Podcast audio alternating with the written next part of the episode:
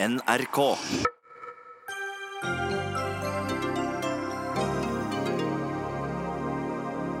Vi har ikke råd til å feile under klimaforhandlingene i Katowice, sier FNs generalsekretær. Så hvorfor snakker da regjeringen så vanskelig og krøkkete om klima at det nesten ikke er til å forstå? Reindriftssamer vant i tingretten og lagmannsretten, men tapte i Høyesterett. Han nekter å slakte ned, flokken sin, og mener det er brudd på menneskerettighetene. Stortingsflertallet tar sjansen på at FN mener han tar feil. Sandnes kommune hadde lagd nytt kommunevåpen med Preikestolen og greier. Men så snappet Strand kommune turistmagneten fra dem, og Sandnes kaller det en fiendtlig handling fra Monica Mæland. Og med moms på elbiler skal bomstasjoner fordrives, mener plutselig Frp. Har de glemt sin egen regjeringsplattform?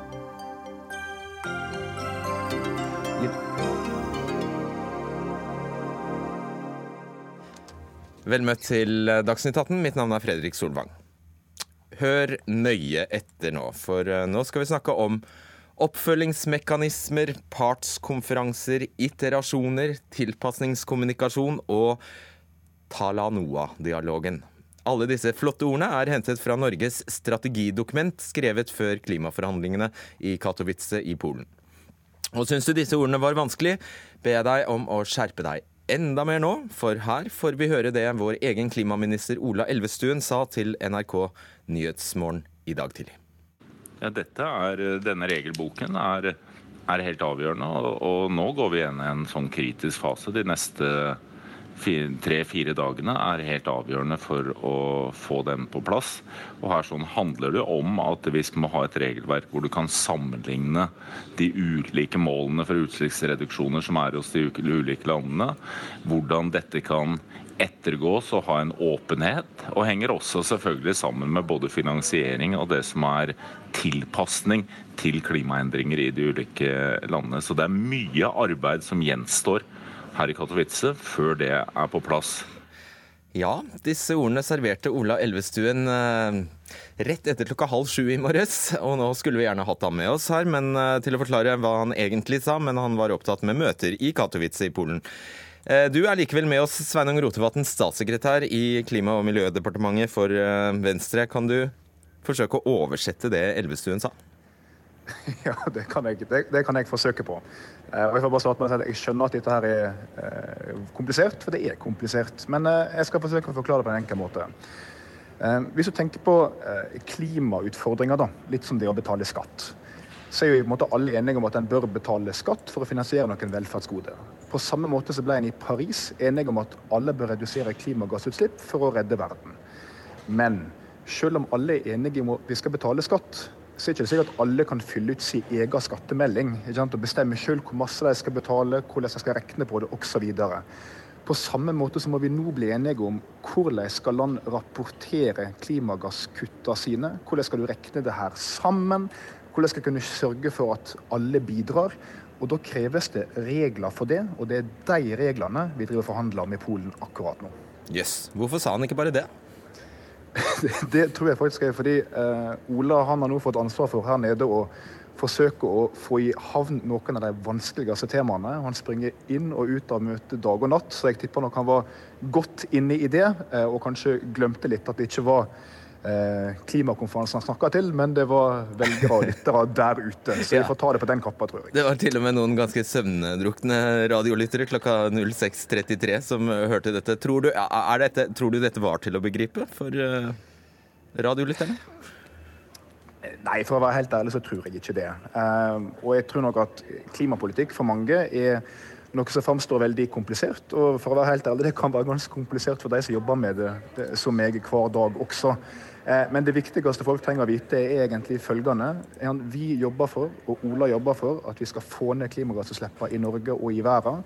Og da må vi møte alle de andre landene jevnlig for å sørge for at alle jobber for det målet, og at vi kan kontrollere hverandre og forplikte hverandre. Det er det som skjer her nå. Det var eksemplarisk. Vi skal høre en annen annen som, eh, som mestrer det å fatte seg i korthet og klarhet. We cannot afford to fail in Katowice. Climate change is still running faster than what we are. We need to reverse this trend, and Katowice is an essential platform for this reversal to take place. this COP is an absolutely vital instrument in the strategy to defeat climate change. And as I said, we cannot afford to fail. We cannot afford to fail, sier altså FNs generalsekretær Antonio Guterres. Eller han sa det da han åpnet forhandlingene i Katowice. Eh, hvis Rotevatn, det er så mye som står på spill her, hvorfor legger dere dere ikke i selen for å forklare oss det, da? Eh, jo, vi forsøker jo på det, da. Eh, og vi forsøker jo f.eks. hvert valg å forklare norske velgere hvor masse som står på spill, og at de skal stemme i tråd med det og være opptatt av det, slik f.eks. jeg er. Eh, men eh, det er nok rett og slett slik at land også har litt ulike interesser her. ikke sant? Og det er klart det, det står eh, masse mer på spill for en liten øynasjon som bokstavelig talt kan forsvinne i havet om temperaturen stiger for mye. Eh, det står noe litt annet på spill for Saudi-Arabia, som er helt avhengig av oljeinntekter, og som vil få store problemer hvis de ikke kan leve av det lenger. Og Fordi nasjonene her har ulike interesser, selv om den felles interessen til jordkloden tross alt er å opprettholde livet her, så er det vanskelig å bli enige om å handle. Og det er i alle fall om, vanskelig å bli enige om å handle fort nok. Mm. Så dette er utvilsomt veldig krevende. Veldig krevende. La oss bare høre på det Elvestuen sa en gang til dere. Ja, dette er, denne regelboken er, er helt avgjørende, og, og, nå går vi inn i en sånn kritisk fase de neste tre-fire dagene er helt avgjørende for å få den på plass. Og her sånn handler det om at vi må ha et regelverk hvor du kan sammenligne de ulike målene for utslippsreduksjoner som er hos de ulike landene, hvordan dette kan ettergås og ha en åpenhet. Og henger også selvfølgelig sammen med både finansiering og det som er tilpasning til klimaendringer i de ulike landene. Så det er mye arbeid som gjenstår her i Katowice før det er på plass. Steffen Kalbekken, forskningsleder ved Cicero senter for klimaforskning. Hvordan kunne Elvestuen ha ordlagt seg for å eh, gjøre seg litt bedre forstått? En kunne vel sagt at dette handler om å få plass et regelverk som sikrer at det er forståelig hva alle land har tenkt å bidra med, sånn at vi kan forstå den samla globale innsatsen og sjekke om landene etterlever det de har sagt de skal gjøre. Mm. Eh, er det en unnskyldning god nok at dette er så fryktelig teknisk komplisert? Klokka 06.33 på morgenen så tror jeg vi kan unnskylde det, men klart at mer generelt så er det nok viktig at vi blir flinkere til å snakke om både klima og klimaforhandlingene på en enklere og mer lettfattelig måte, sånn at flere har mulighet til å delta i den debatten. Gaute Eiterjord, du er leder i Natur og Ungdom, er også i Katowice, der eh, klimaforhandlingene altså pågår. Nå har vi altså spilt av dette sitatet to ganger fra Elvestuen, altså Elvestuens sitat. Skjønner du hva han sier her? Ja, men det er jo òg fordi eh, jeg er jo òg sjøl en del av den forhandlingsbobla i Katowice nå. Men eh, jeg må jo også si at det framstår helt uforståelig med tanke på hva som står på spill her. Fordi det disse klimaforhandlingene handler om, er jo faktisk livene til millioner av mennesker. Og eh, en potensiell Altså en av de største utryddelsene av naturen vi har eh, sett i løpet av hele historien. Sånn at jeg syns det er viktig at både politikere og journalister for så vidt tar et ansvar for å snakke om denne klimakrisa som det den faktisk er, som er et utrolig urettferdig spørsmål som truer både liv og levebrød og natur over hele verden. Det, dere har jo i Natur og Ungdom medlemmer som fremdeles går på ungdomsskolen. Skal jeg bare minne om det spørsmålet Elvestuen faktisk fikk av kollega Birger Kolsrud Jåsund. Det lød når det kommer til konkrete tiltak som alle er enige om, og som det faktisk kommer noe ut av, så er vel veien litt lengre? spørsmålstegn. Hva ville du ha svart på det spørsmålet, Eiterjord, hvis du skulle forholdt deg til dine medlemmer? da? Ja, altså det Jeg tenker det er viktig å fokusere på at det er et urettferdig problem, og at ja Nei, hva var spørsmålet? Altså, det, ja. du blir komplisert. ja, kanskje det er spørsmålet det er noe feil med. Nei, men ja, det, han, det, sånn, ja. det, det journalistene må fokusere på, er at her har politikerne i flere tiår ikke gjort jobben sin. De har visst at klimaproblemet hasta så mye at det var en svær jobb å gjøre. Og så har de funnet opp eh, på en måte løsninger som ikke har funka. Det det handler om nå, det er jo faktisk at vi må halvere utslippene i verden på bare tolv år.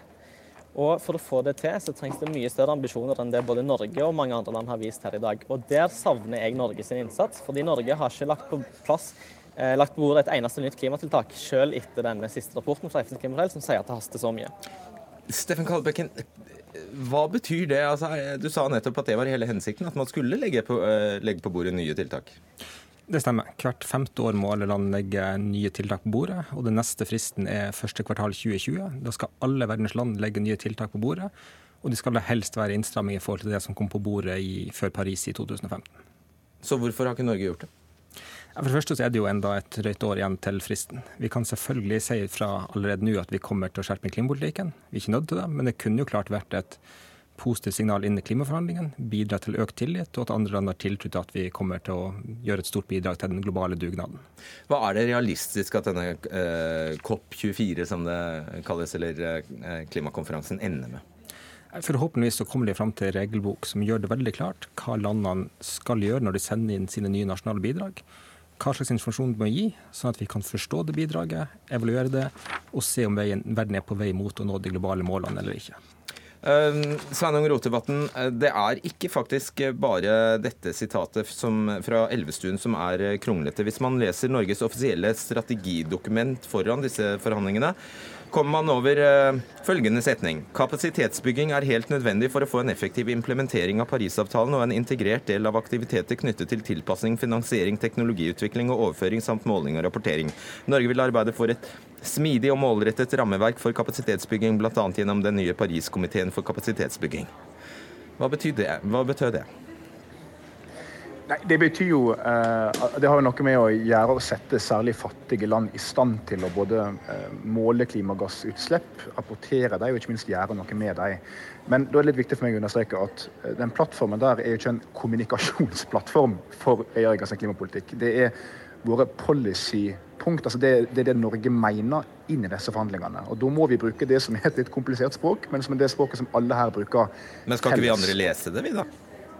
Jo, det må dere gjerne gjøre. Og det er flott at du og sikkert alle de tusen hjem har lest denne eh, plattformen. Det er veldig viktig. Men, men bare for å si ett punkt, da. Hør her. Hvis, hvis dette bare handler om kommunikasjon, ikke sant, å snakke enkelt, da kunne vi bare lagt fram et forslag her nede som sa at klimaendringene er kjempealvorlige. Alle må bidra til å stoppe dem så fort som mulig. Og det kunne alle land her signert på i løpet av et minutt. Men det er ikke det som hjelper. For vi må sørge for å måle hvordan dette skjer. Vi må sørge for at en forplikter seg, at det finnes juridiske mekanismer. Ellers så får vi ikke stoppa klimaendringene. Og da må det faktisk være så komplisert som det må være for å klare å holde hverandre til ansvar. Og det er vår jobb her. Og heldigvis, da så snakker han i Norge et språk som gjør at folk har tillit til oss i disse klimaforhandlingene. og Derfor har nå Ola Elvestuen sammen med klimaministeren i Singapore fått i ansvar å lede det her inn til en konklusjon og finne løsninger på et av de vanskeligste spørsmålene, nemlig forholdet mellom utviklingsland og rike land og ulike interesser. Så folk har tillit til at Norge vet hva vi driver med, og at vi vil drive det her framover. Og det håper jeg at Ola skal klare å lykkes med i løpet av veka. Eh, blant annet fordi vi behersker dette stammespråket, Eitejord. Eh, I tillegg til at det da eh, blir vanskelig for oss andre rett og slett å forstå hva det dreier seg om, og sånn sett kan det være en pedagogisk utfordring å mobilisere støtte for saken. Ser du andre farer ved at man bruker et sånt språk som, som bare rett og slett går over hodet på folk flest? Det, det, som kan være, kan være, farlig med det, er at det tilslører de reelle problemene som er på disse klimaforhandlingene. Som f.eks. den urettferdigheten som klimaproblemet representerer, med at de rike landene ikke vil legge på, på bordet penger for å betale for de klimaskadene som deres utslipp er skyld i. Og det strategidokumentet til Norge kan jeg skjønne at må være på forhandlingsteknisk språk, men jeg føler jo òg at regjeringen har et ansvar for å si til norske innbyggere og til unge i Norge dette er vår plan for at vi skal gi dere et levelig klima når vi vokser opp. Og når vi ikke får til det, når vi tilslører problemstillingene og ikke sier noe om hvorfor har vi ikke kutta utslippene våre siden 90, eh, hvorfor klarer vi ikke å eh, mobilisere flere til å bry oss eh, om klimaendringene og få med næringsliv og bedrifter på denne jobben. Eh, da har vi et problem, fordi dette er den viktigste utfordringen vi har. Det sier politikere støtt og stadig, men de tilslører den utfordringen når de bruker det forhandlingstekniske språket. Det kan du svare på, Rotevatn. Hør her, Jeg er eh, aktiv og jeg er politiker i Venstre. Klima er en av de viktigste sakene våre. Så selvfølgelig er vi opptatt av å kommunisere til det norske folk og våre velgere hva vi ønsker å gjøre for å få høyere oppslutning. Så her er på en måte insentiver på plass. Det er ikke sikkert vi er gode nok til det, men dette er vi faktisk veldig opptatt av. Men når vi skal sitte 197 land sammen og diskutere og finne fram til en enighet om det som er kjempekompliserte spørsmål altså, Hvordan skal du måle CO2-opptaket i skog? Hva konsekvens har det om ei myr blir gravd ut? Eh, forskjellen på biler og energiproduksjon osv. Altså, man klarer å finne en enighet som er juridisk forpliktende og som holder. Og Da er Norge sin jobb inn i det å klare å binde folk til masta med de språkene og den ordbruken det krever. Og Når det gjelder kommunikasjon ut til folk og mobilisering rundt klimasaker, der tror jeg Natur og Ungdom er mye flinkere enn det den norske regjeringa er, og vi kan sikkert lære masse av dem. Eh, Kalbekken, i tillegg til eh, språkbruken, som selvfølgelig er underordnet her, men kanskje, ikke spill, kanskje faktisk kan spille en rolle. Hva er grunnen til at vi hører så lite faktisk om dette Det er en viktig grunn at det framstilles som nokså teknisk. Det er veldig mange detaljer, vanskelige begreper. For det er faktisk et veldig viktig møte. Dette er det viktigste møtet vi har hatt siden Parisavtalen i 2015. Men det sier dere jo alltid. De sier det alltid. Nei, det, de siste årene har ikke vært like viktig. De siste årene har vært steg på veien fram mot dette. Dette er det viktigste siden Paris, helt klart. Eh, og det handler jo om at dette regelverket det skal i prinsippet gjelde til evig tid. Parisavtalen vet vi den har veldig ambisiøse mål. Men de nasjonale bidragene er ikke nok til at vi når de målene. Så vi vet vi hele veien må trappe opp bidragene. Og dette er da et helt avgjørende element i å sikre den opptrappinga. Det er ikke nok i seg sjøl, det trengs også masse politisk vilje og ny teknologi og alt mulig annet.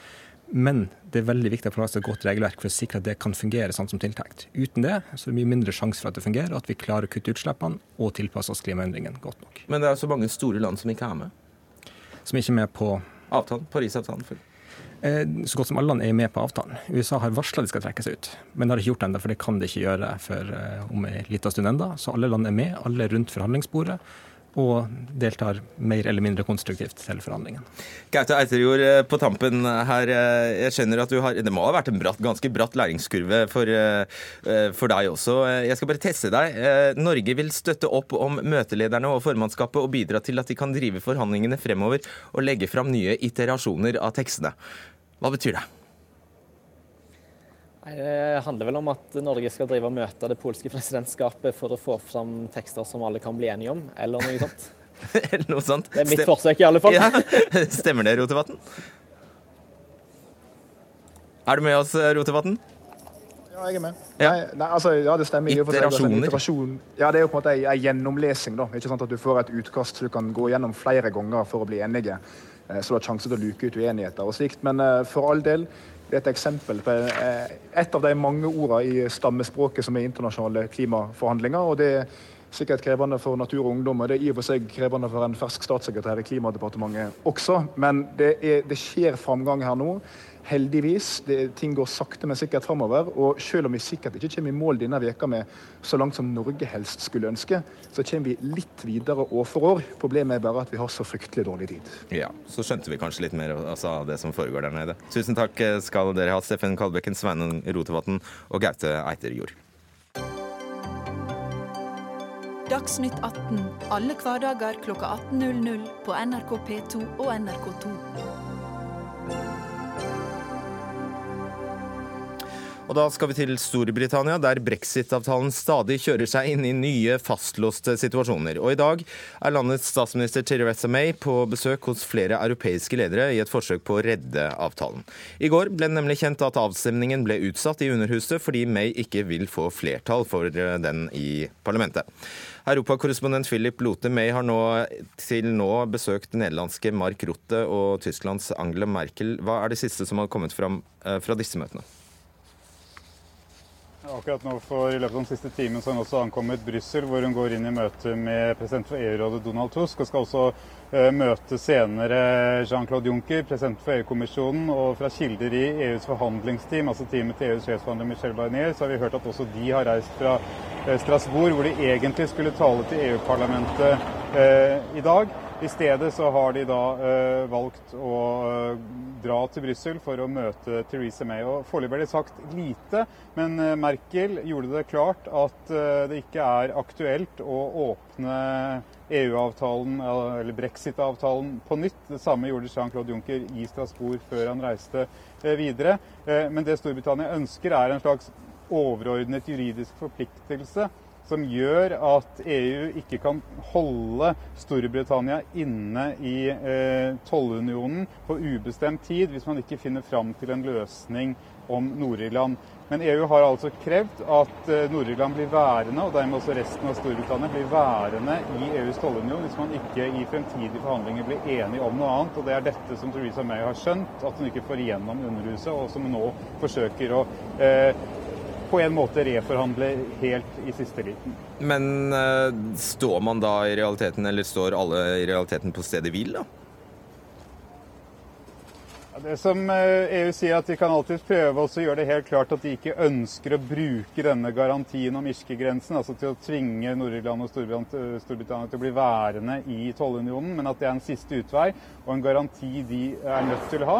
Fordi at EU ser seg som en garantist for fredsavtalen eh, i Nord-Irland. Eh, og de ser seg også som en garantist for Irlands interesser. Og Irlands interesser, altså Irland som blir værende i EU, har stått høyt på EUs prioriteringsliste i disse brexit-forhandlingene.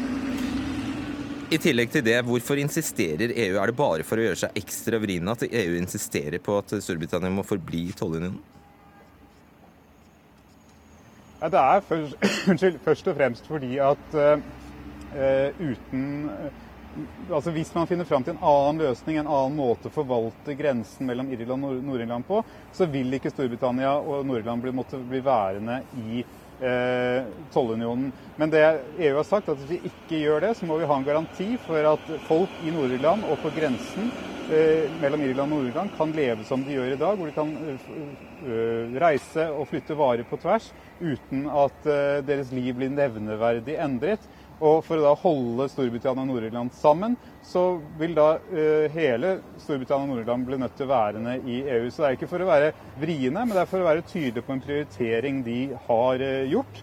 Uh, så, sånn at det Theresa Mays motstandere i hennes eget parti sier, er jo at vi får bare akseptere. Vi får ta et rent brudd, og så får vi nekte for dette her. Men det vil jo ikke da Theresa May. Ja, ja hva, og hva skjer da, hun, selv om hun ikke vil det? Hva, hva, skjer hvis hun blir nødt til det å komme og vende tomhendt hjem?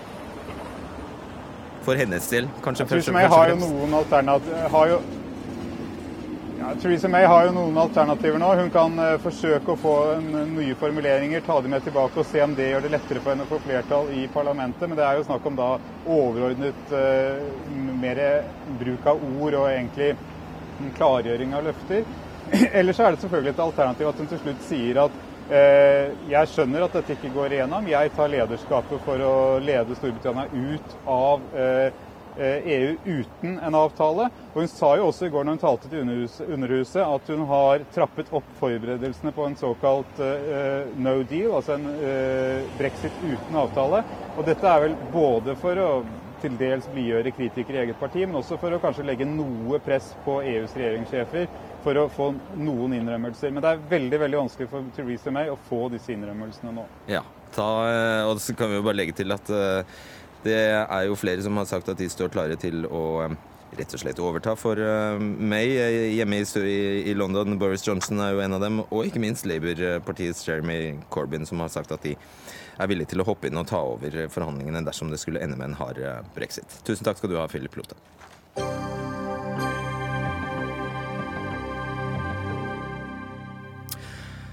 Så til en krangel mellom eh, nabokommuner. For ordføreren i Sandnes kommune raser etter at hans kommune tapte kampen om Rogalands største turistattraksjon, Preikestolen. Grensa mellom kommunene Forsand og Strand blir justert fra 2020.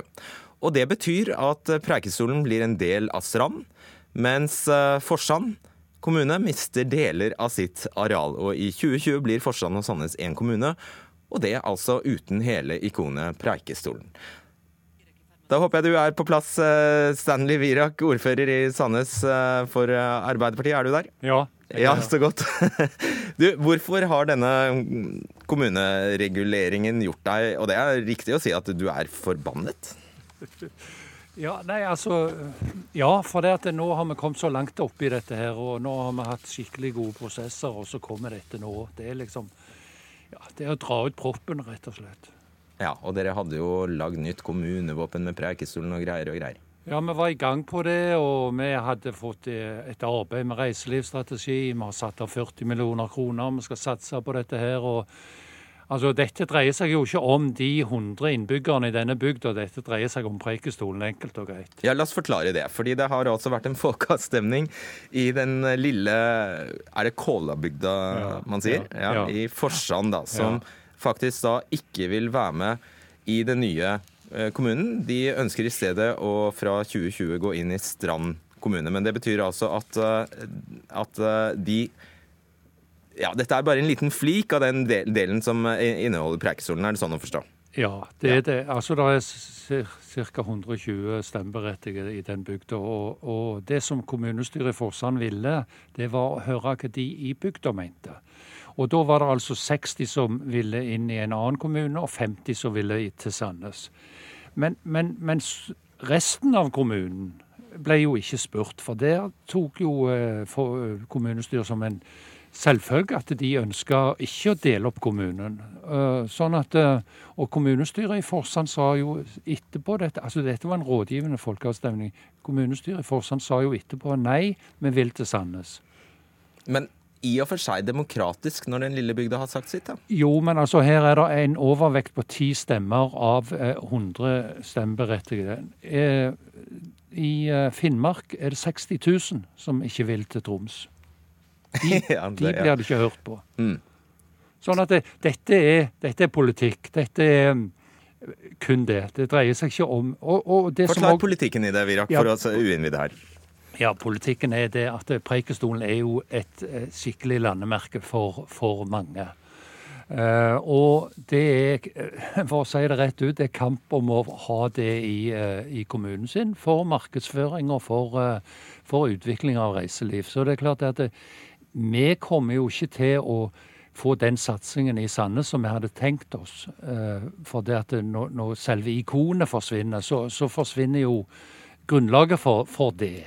Så vi var veldig gira sammen med Forsand og sammen med resten av Ryfylke. Nå skulle det satses på, på, på, turisme og på reiseliv.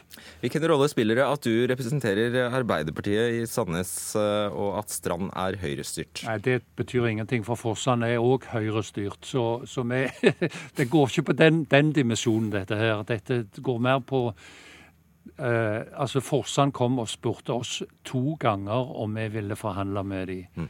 Eh, så vi var bare på tilbudssida. Vi var ikke eh, vi var ikke har nesten sagt framoverlent i det hele tatt, for, eh, men vi hørte på de. Og etter hvert som dette modna, så ble vi mer og mer eh, krye eh, av, av, denne ideen, og vi har satsa voldsomt nå. Irene Heng eh, Lauvsnes, du er ordfører i Strand kommune og representerer altså Høyre. Kan du forstå denne frustrasjonen fra Virak? Nei, jeg, jeg, jeg syns at han tar litt av. Eh, for Preikestolen har ikke flytta seg, og eh, ikke har Fjorden flytta seg, og ikke har eh, sentrene flytta seg. Sånn at jeg tenker at den satsingen han tenkte, den kan han gjøre likevel om ikke Preikestolen blir stående i hans kommune. Hva er det han sitter igjen med da? En parkeringsplass? Hva sier du? Hva er det han sitter igjen med da? En parkeringsplass? Nei, han gjør det flesteparten av fossene er jo igjen. Dette er jo bare 8-10% av kommunen. Eh, han sitter igjen med Lysefjorden, Skjerag, Flørli og kjempestore muligheter til å utvikle turisme i sin eh, nye kommune. Eh, det er i alle fall like mange turister som reiser inn i Lysefjorden, som besøker platået på Preikestolen. Sånn ca. 300 000 årlig kommer der inn i Lysefjorden. Og den vil bli liggende i eh, nye Sandnes kommune.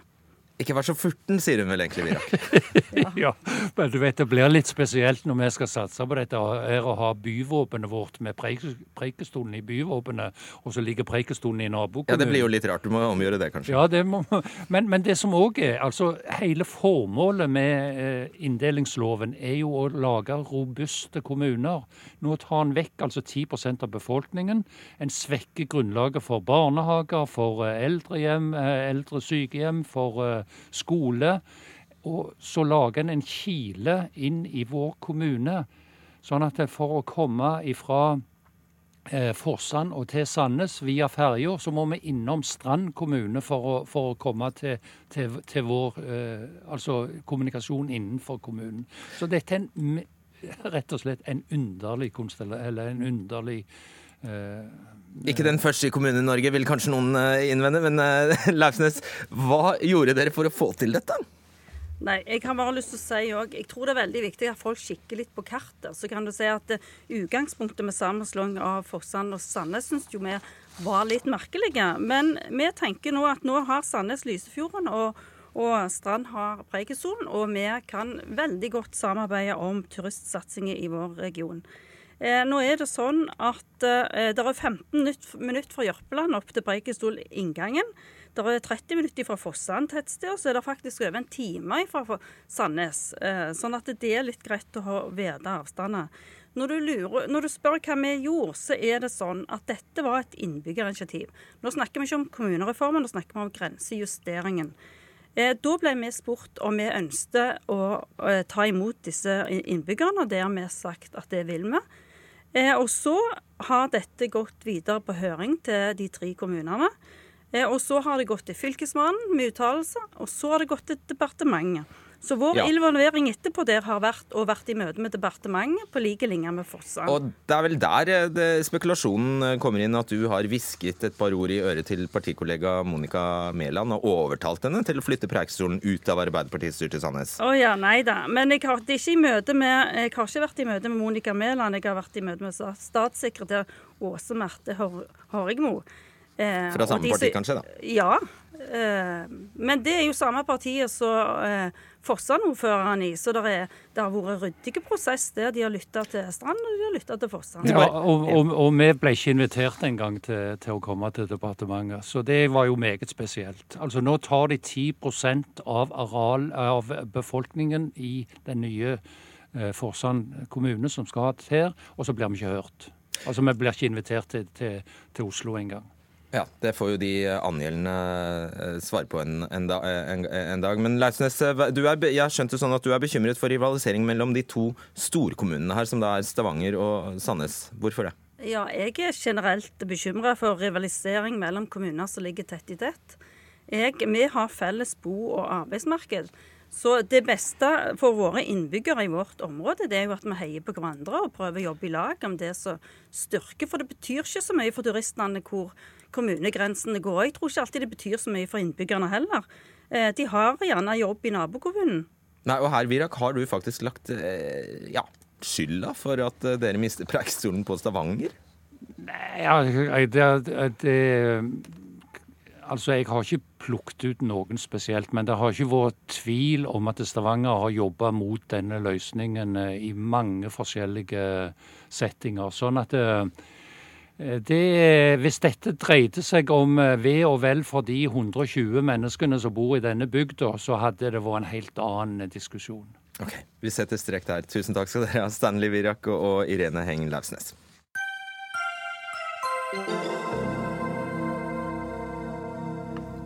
Akkurat nå stemmes det i Stortinget over hvorvidt reineier Jofset Ante Sara må tvangsslakte store deler av flokken før jul.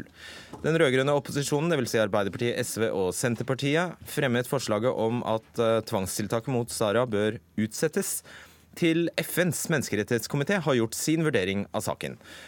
Nå ser forslaget ut til å bli stemt ned. Uh, Marit Anne Sara, du er søsteren til Jofset Ante Sara.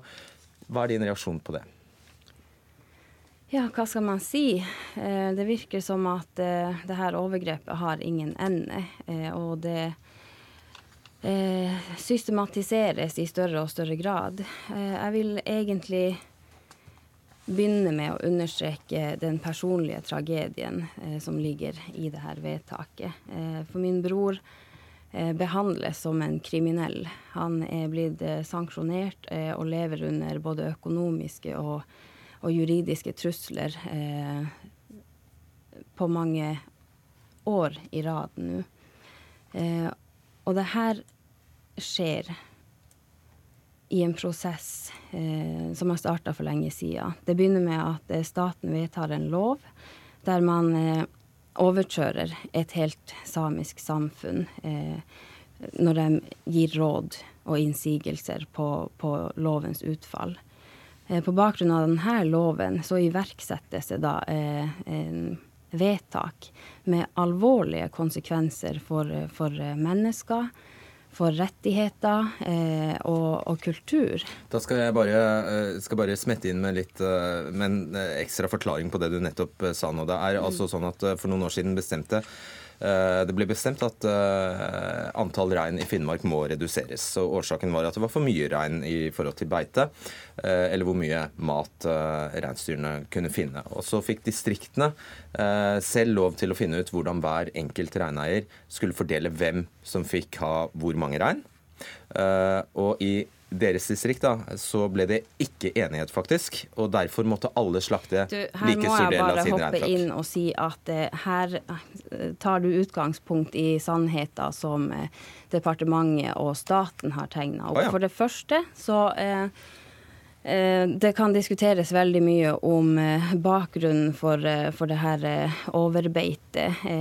Til å begynne med akkurat i det spørsmålet jeg skal ikke bruke for mye tid på det, men eh, å iverksette en kollektiv avstraffelse som rammer eh, ungdommen i etableringsfasen på denne måten, uten tilstrekkelig eh, akademisk eh, grunnlag, det er hårreisende i seg sjøl. For det andre, Eh, hvis det hadde vært eh, eh, problemområder med, med, overbeite, så har staten hatt tvangstelling av rein i, i, mange, mange mange år.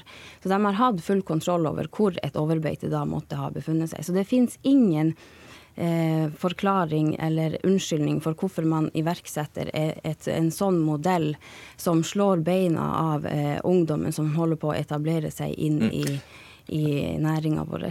Eh, bare forklare kort, Hva er konsekvensen for eh, broren din og hans familie? Da? For broren min, staten i dette løpet har ikke foretatt noen konsekvensutredninger. De eh, fraskriver seg alt ansvaret. Det finnes ingen støtteapparat for min bror. Uh, han får uh, tvangsslaktingsvarselet på to måneder har han på seg til å gjennomføre det her. Det betyr en livsomveltning på psykologisk plan, på sosialt plan, på økonomisk plan, på yrkesmessig plan. Og i antall dyr er det snakk om? Eh, for han, eh, han eh, får lov til å ha 75 rein. og, og går da fra 350 til ja, 75? Ca. 350 ja. til 75. Og 75 er ikke noe man kan leve av. Så han blir tvunget til konkurs og bort fra både kultur og rettigheter. Uten, uten noen form for støtte. Det vil jeg bare understreke. Så støtteapparatet i det her, det er Som mister sitt familien. Eh, livsgrunnlag der nede? Sitt livsgrunnlag og identitet og tilhørighet og alt. Og det er ingen, ingen plan B for livet. Og vi har ingen, vi har ingen som, som, hjelper med, med med å finne en ny retning for, for yrket eller eh, andre områder i livet. Og det syns jeg er ganske dramatisk at man tillater seg. Mm. Nå er det sånn at du for så vidt eh, Vi har for så vidt eh, sagt at du trenger ikke å debattere dette hvis du ikke vil, men hvis du vil, så må du gjerne bli sittende og, og gjøre det. Jeg vet ikke hva du ønsker. Nei, jeg blir gjerne her. Ja, Flott. Hør, hør Veldig bra for oss. Fordi nå er det en som holder på å riste hodet av seg her. Bård Hoksrud, du sitter ved siden av her. Landbruks- og matminister for eh, Fremskrittspartiet. Um, dere har vært sterke pådrivere for å gjennomføre denne tvangsslaktingen. Og bare for å forstå det uh, To sekunder. Å, hvis alle skal protestere, blir det veldig vanskelig. Eh, det er sånn at eh, Sara da vant i eh, tingretten, lagmannsretten, og så tapte han i Høyesterett, hvis jeg forstår rett. Og så mener da familien at man, Norge bør jo i det minste vente på FNs menneskerettighetskomité fordi dette kan være i strid med menneskerettighetene. Men jeg syns det er viktig å ha med hva som egentlig er tilfellet her. Altså når loven, oss, da. Nei, det er, ikke, det er ikke snakk om å belære eh, Fredrik Solvang. Men det er altså sånn at når vi gjorde, altså endra reindriftsloven så ønsker man å gi mer myndighet og mulighet til de forskjellige sidaene. Så dette handler om den sidaen som eh, Ante Sara er en del av. Det er altså en, et område, eh, det er ca. ja, seks, eh, seks forskjellige reineiere som, som driver innenfor et område. Sidaandel, sidaandel. Eh, Så er det sånn at de kan ha 2000 eh, rein i den sidaen. Eh, I distriktet. Dis, distrikt og sida er to vidt ja, forskjellige sidaandeler. Og så er poenget at man også ga mulighet for at man kunne velge hvor Altså, man kunne selv Eh, Hold an et lite øyeblikk. La han fullføre. Jeg, jeg håper at jeg i hvert fall kan forklare det. Altså, Ja. Poenget er at man har altså satt et tall. Og det har vært enighet, og det har vært landbruksministre før meg også som har sagt at vi må redusere reintallet i, eh, i reintallet, fordi det er for høyt i forhold til den beitearealene som vi har. Og beitearealene er konstante eller går litt ned. Og så må vi altså sørge for at dette handler om at vi skal få en reindriftsnæring i framtida som skal kunne leve og som skal kunne vi utvikle seg. Det er det dette handler om. Grunnen til at man ønsker Nei, å få det dette handler om, er Jo. det dere er innkalt til å diskutere, er hvorfor ikke vente? Jo, Hvorfor ikke men- vente men på da- FNs menneskerettighetskomité? Kan, kan jeg få lov å komme til, kom, til, til, Ja, til dette. Fredrik Solvang? Poenget er altså at det er eh, sånn at 231 sidaandeler har blitt bedt om å redusere reintallet sitt. 230 har gjort det. Eh, og, de er, og mange av de har vært i samme situasjon som det, Det er eh, ingen som det andre som har er tvunget ned på så lavt eh, reintall som Jeg- jeg- altså, jeg- lever av det.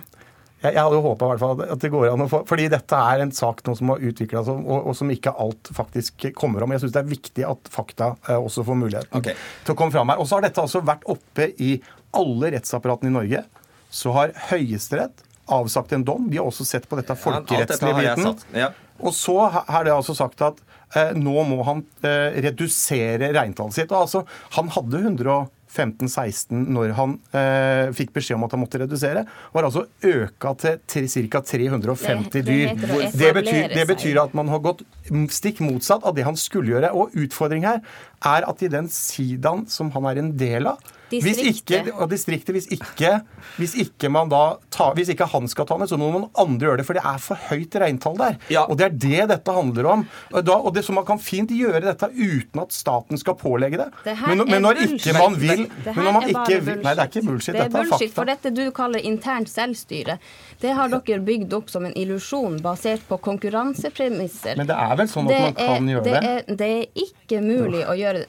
Hvis vi sitter rundt bordet og skal forhandle, mm. og så ber jeg om at du skal gi meg 40% av din lønn det- din kulturtilhørighet, Men- dine rettigheter, fremtiden til dine barn. Ville du ha satt deg villig til å gjøre det? Men- det er den situasjonen dere har satt reindriftssamfunnet i. Og vi sitter i interne rettssaker for å verne om våre Men, rettigheter. men poenget er at vi, vi ønsker å sikre at det skal være mulighet til å drive reindrift i framtida. Og da må vi sikre Da må bærekraft. Vi må å sikre er mulig. Vent, vent, vent, vent, vent, vent. Jo, og arealer er jo, og da har vi de arealene vi har, og så må vi få ned Så til spørsmålet mitt, Nei. så til spørsmålet mitt og det, nå må du prøve å svare. prøve. Hvorfor ikke vente tas på FNs menneskerettighetskomité? Fordi jeg tror det er veldig viktig at vi forholder oss til maktfordelingsprinsippet i Norge. Da har vi også Stortinget som vedtar lover. Stortinget har vedtatt det.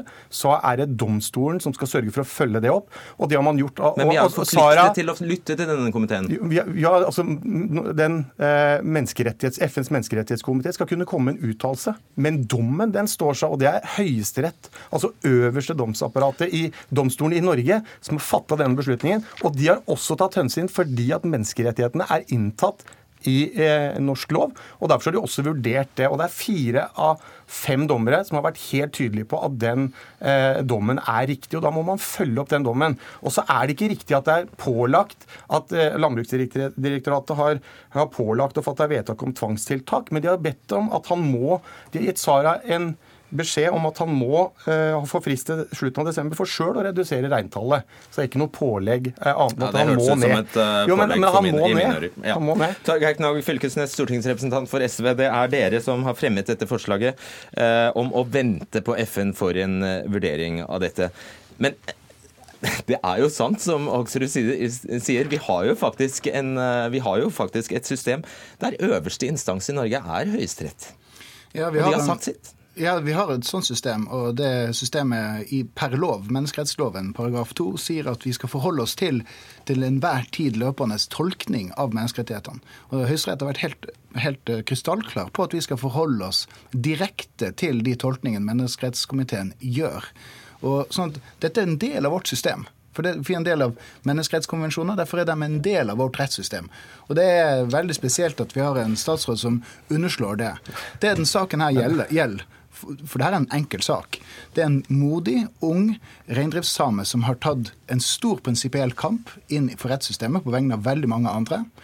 Og han har vunnet gjennom i to rettsinstanser, så han har fått et mindretall til å støtte seg i Høyesterett. Det er fortsatt stor tvil om det var en riktig beslutning i Høyesterett.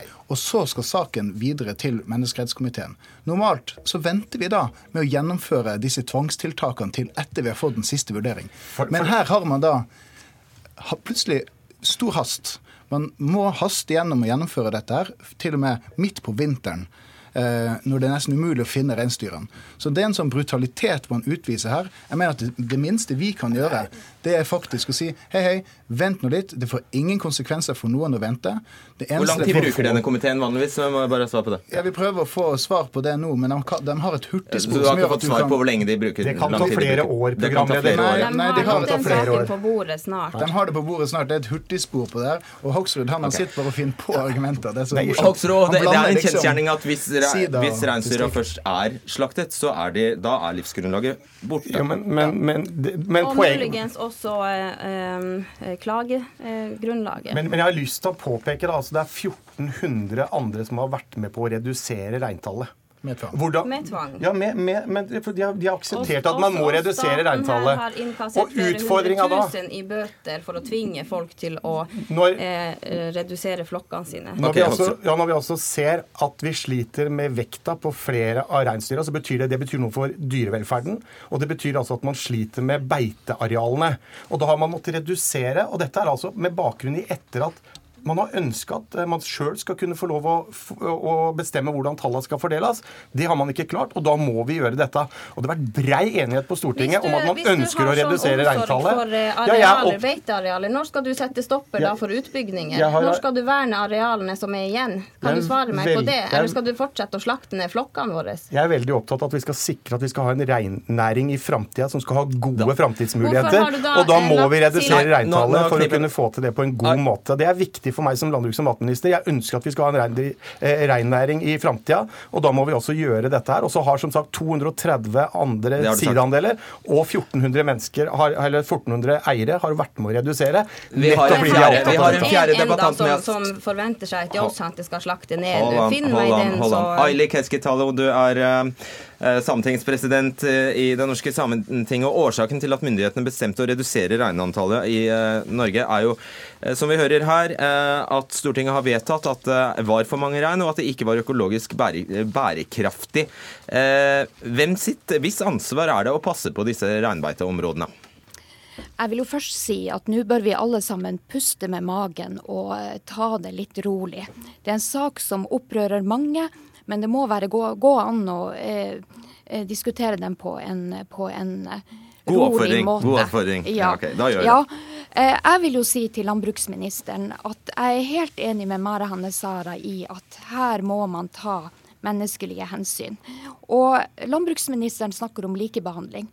Men min oppfatning er at det er brei enighet i det samiske reindriftssamfunnet om at denne saken bør kunne gå videre til menneskerettighetskomiteen, og at Norge bør avvente en vurdering derifra. Jeg tror det er stor forståelse for at de prinsipielle vurderingene gjøres. Ja, bare for at, at vi skal forstå det. Hvorfor det? Fordi det er en menneskerett å drive reindrift? Er det derfor? Eh, Jovsehante hevder at han ikke kan klare seg med 75 rein. Og hvis han blir tvunget til å slakte ned til 75 rein, så eh, nekter staten han i prinsippet å drive eh, med sin kultur.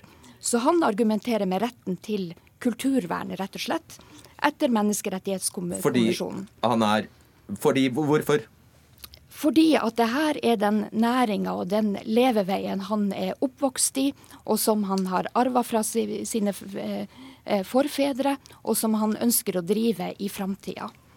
Og så vil jeg også gjerne legge Men, til ja, ja, det skal du få. La meg et oppfølgingsspørsmål. Eh, Så hvis, er prinsippet da at bare fordi du har arvet, så skal du kunne drive? Det her er den kulturen han er oppvokst med, lever i, lever av i dag. Og hvis staten nekter han å drive videre på det, så, så, er han effektivt utestengt fra, fra sin kultur. Men når det gjelder reindriftsloven, så mente Sametinget i sin tid at det bør være et, en beskyttelse, et vern, for ungdom i etableringsfasen, også når det gjelder eh, reintallsreduksjonsprosesser. Og vi beklager at ikke den mekanismen ble en del av eh, reindriftsloven. Ja, Så håper vi at eh, en ny gjennomgang av reindriftsloven kan gi et bedre grunnlag for å drive eh, gode prosesser i samarbeid med næringa i framtida. Hvis man ønsker å ha unge inn i næringa, så kan man ta de hensynene. Det er mulighet til å gjøre dette. Og man har altså i den nye loven så lå det altså mange muligheter til det. Men dette handler jo om at når vi må redusere reintallet for å sikre en bærekraftig reinnæring ja, i framtida Men du kan ikke må, påstå jo, men, at, jo, men, men, kan, kan du høre? Eh, de reinene som Joksan til Sara i dag, at det er det som er, bikker den økologiske bærekraften. Poenget er det mange det, er, det her er en prinsipiell sak. Den bør få sin prøving i eh, FNs menneskerettighetskomité. Og jeg, jeg, jeg appellerer til landbruksministeren ikke gjør irreversible beslutninger nå. Avvent. Gi Jovsante Sara julefred svarer veldig kort. Den, den, vil komme til eh, For Han har selvfølgelig rett til å sende inn til FNs menneskerettighetskomité. Men det handler om hvordan skal de andre som da har gjort dette, redusert reintallet, som da altså vil si at her kan man bare få lov å fortsette. Det er klart at det får konsekvenser. og Det har vært brei enighet om at vi må redusere reintallet, fordi det har vært viktig for å sikre næringa i framtida. Og da skal det, eh, siste, siste spørsmål, Fylkesnes, Konsekvensen av dette er jo at dere ønsker at overnasjonale eh, organer skal drive, skal drive forvaltning i, i Norge? Ja, så Som vi gjør i alle menneskerettssaker, så lar vi overnasjonale organer ta stilling til hvordan vi skal tolke menneskerettighetene. Eh, det har vi latt på mange områder, enten det er barn, eh, enten det er f.eks. i fengsler osv. Dette er en del av vårt system som ingen, verken i Frp eller eh, noe, har reagert på tidligere. Så når det kommer til stykket, så handler dette her ikke om overbeite. Dette handler om fordeling av byrden rundt arbeidet. Skal de minste aktørene skjermes, eller skal de ikke det? Det er det som er det store spørsmålet i menneskerettskomiteen. Og hvis svaret på det i menneskerettskomiteen er at de, de, minste aktørene skal skjermes, ja, da må vi faktisk revidere hele den, eh, det systemet vi har for reindrift i dag. Hva gjør dere videre? Eh, vi kommer ikke til å gi oss. Eh, det er nå én ting som er klart. Vi kan aldri legge oss på rygg og gi frivillig fra oss eh, levesett, kultur og rettigheter. Så det får du være forberedt på.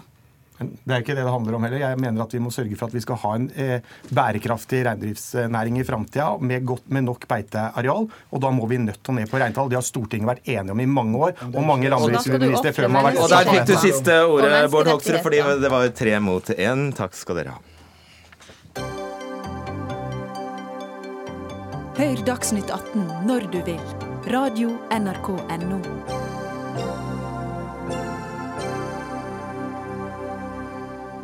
Fremskrittspartiet mener momsfritaket på elbiler er urettferdig og for dårlig begrunnet. Og nå vil de fjerne hele fritaket og gjøre elbilene opptil flere hundre tusen kroner dyrere. Og pengene ja, de skal gå til lavere bomtakster, kunne vi lese i Dagbladet i dag. Gisle Meininger Saudland, du er eh, miljøpolitisk talsmann, eh, talsperson i Frp. Ja, dere har det. Og du er eh, endog til og med til stede under klimatoppmøtet i Katowice. Eh, hvordan kom du på at dette var et godt klimapolitisk forslag? Nei, nå er jo dette ikke først og fremst et eh, klimatiltak, men det er en måte å sikre på at, eh, på at avgiften som på et eller annet tidspunkt er nødt til å bli tatt inn fra elbil òg, kommer bilistene til gode. Og da regnet vi på at Eh, skal, at eh, tar man inn moms på elbil, så er det faktisk nok penger til å halvere eh, bomtakstene i landet. Hvor raskt ser du for deg at dette skal skje? Jeg ser for meg at dette må skje over en periode på noen år.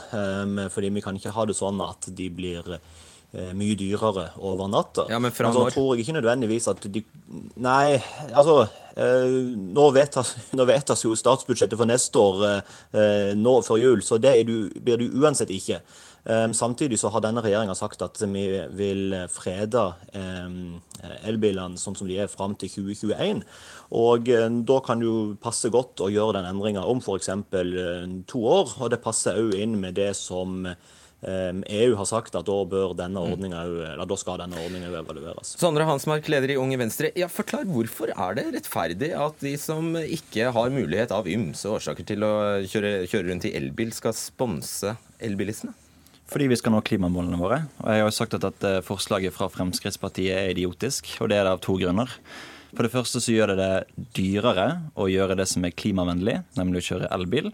Og så gjør det det billigere å, kjøre, å gjøre det som er klimafiendtlig, nemlig å kjøre fossilbiler. Og Det er jo det motsatte av det vi skal gjøre nå som vi skal nå klimamålene våre. Vi må gjøre det billigere å velge klimavennlig og dyrere å forurense. Og så må jeg få minne representanten fra Fremskrittspartiet på at vi sammen har jo vedtatt at om seks år så skal alt nybilsalg i Norge være nullutslipp.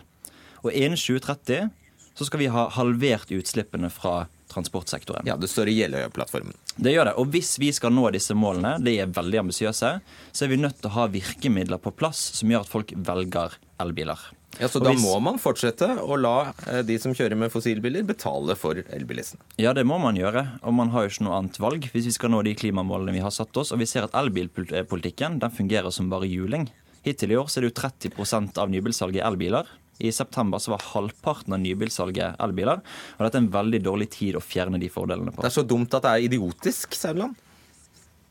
Ja, jeg skjønner jo at Unge Venstre tok dette personlig når man må karakterisere det som idiotisk. men altså, det, Akkurat det tar jeg greit. Men på et eller annet tidspunkt så møter jo Unge Venstre seg sjøl i døra. fordi eh, det er vel ingen som mener at fordelene skal vare evig. Og vil Unge Venstre-lederen da mene at dette forslaget, altså at forslaget um, om å innføre moms på elbil vil være idiotisk når Venstre på et eller annet tidspunkt sjøl vil måtte være for det? Eller mener, faktisk at det alltid må være eh, avgiftsfritak på på elbil. Så Svar på det. Evig, evig avgiftsfritak. Ja, selvfølgelig så skal vi ha bilavgifter på elbil også en gang i fremtiden. Nei, altså Det kan vi gjerne gjøre når elbilsalget nærmer seg 100% at det vi må huske på at Vi har satt oss noen ambisiøse mål om at vi skal halvere utslippene, og at om seks år så skal alt nybilsalg være elbil. Og Da er vi nødt til å beholde elbilfordelene, i hvert fall fram til vi har nådd de målene vi har satt oss. Uh, Saudland, hva tror du skjer med elbilsalget dersom uh, momsen uh, legges på? Det er ikke sikkert at det kommer til å falle eh, jo, drastisk. fordi den vil, ha, den vil, fortsatt ha, veldig mange andre eh, skatte- og avgiftsfordeler som den benytter seg godt av. Men alle produkter i dette landet eh, betaler man eh, moms for. Og, eh, og, det er jo klart at på et eller annet tidspunkt så må de være med å eh, betale. Men samtidig så vil jo òg elbilene bli billigere etter hvert som de blir mer og mer kommersielle, og at de, og at de blir mer effektive å produsere osv. Så, jeg tror ikke at prisen på de kommer til å stige vanvittig mye. Det kan være at eh, jo dyrere elbilen er i utgangspunktet, jo mer vil den så klart stige, sånn som Tesla. Men de rimeligere elbilene vil eh, kanskje ikke komme så utrolig dårlig ut av det. Det er jo ganske logisk, Hans Mark. Nei, altså Nå har jo Transportøkonomisk institutt vist oss at det at man har momsfritak på elbiler, faktisk har vært en avgjørende faktor for at folk velger å kjøpe elbiler. Man har også gjort undersøkelser som sier at en del av elbileiere ikke nødvendigvis ville kjøpt elbil dersom de ikke hadde hatt det momsfritaket.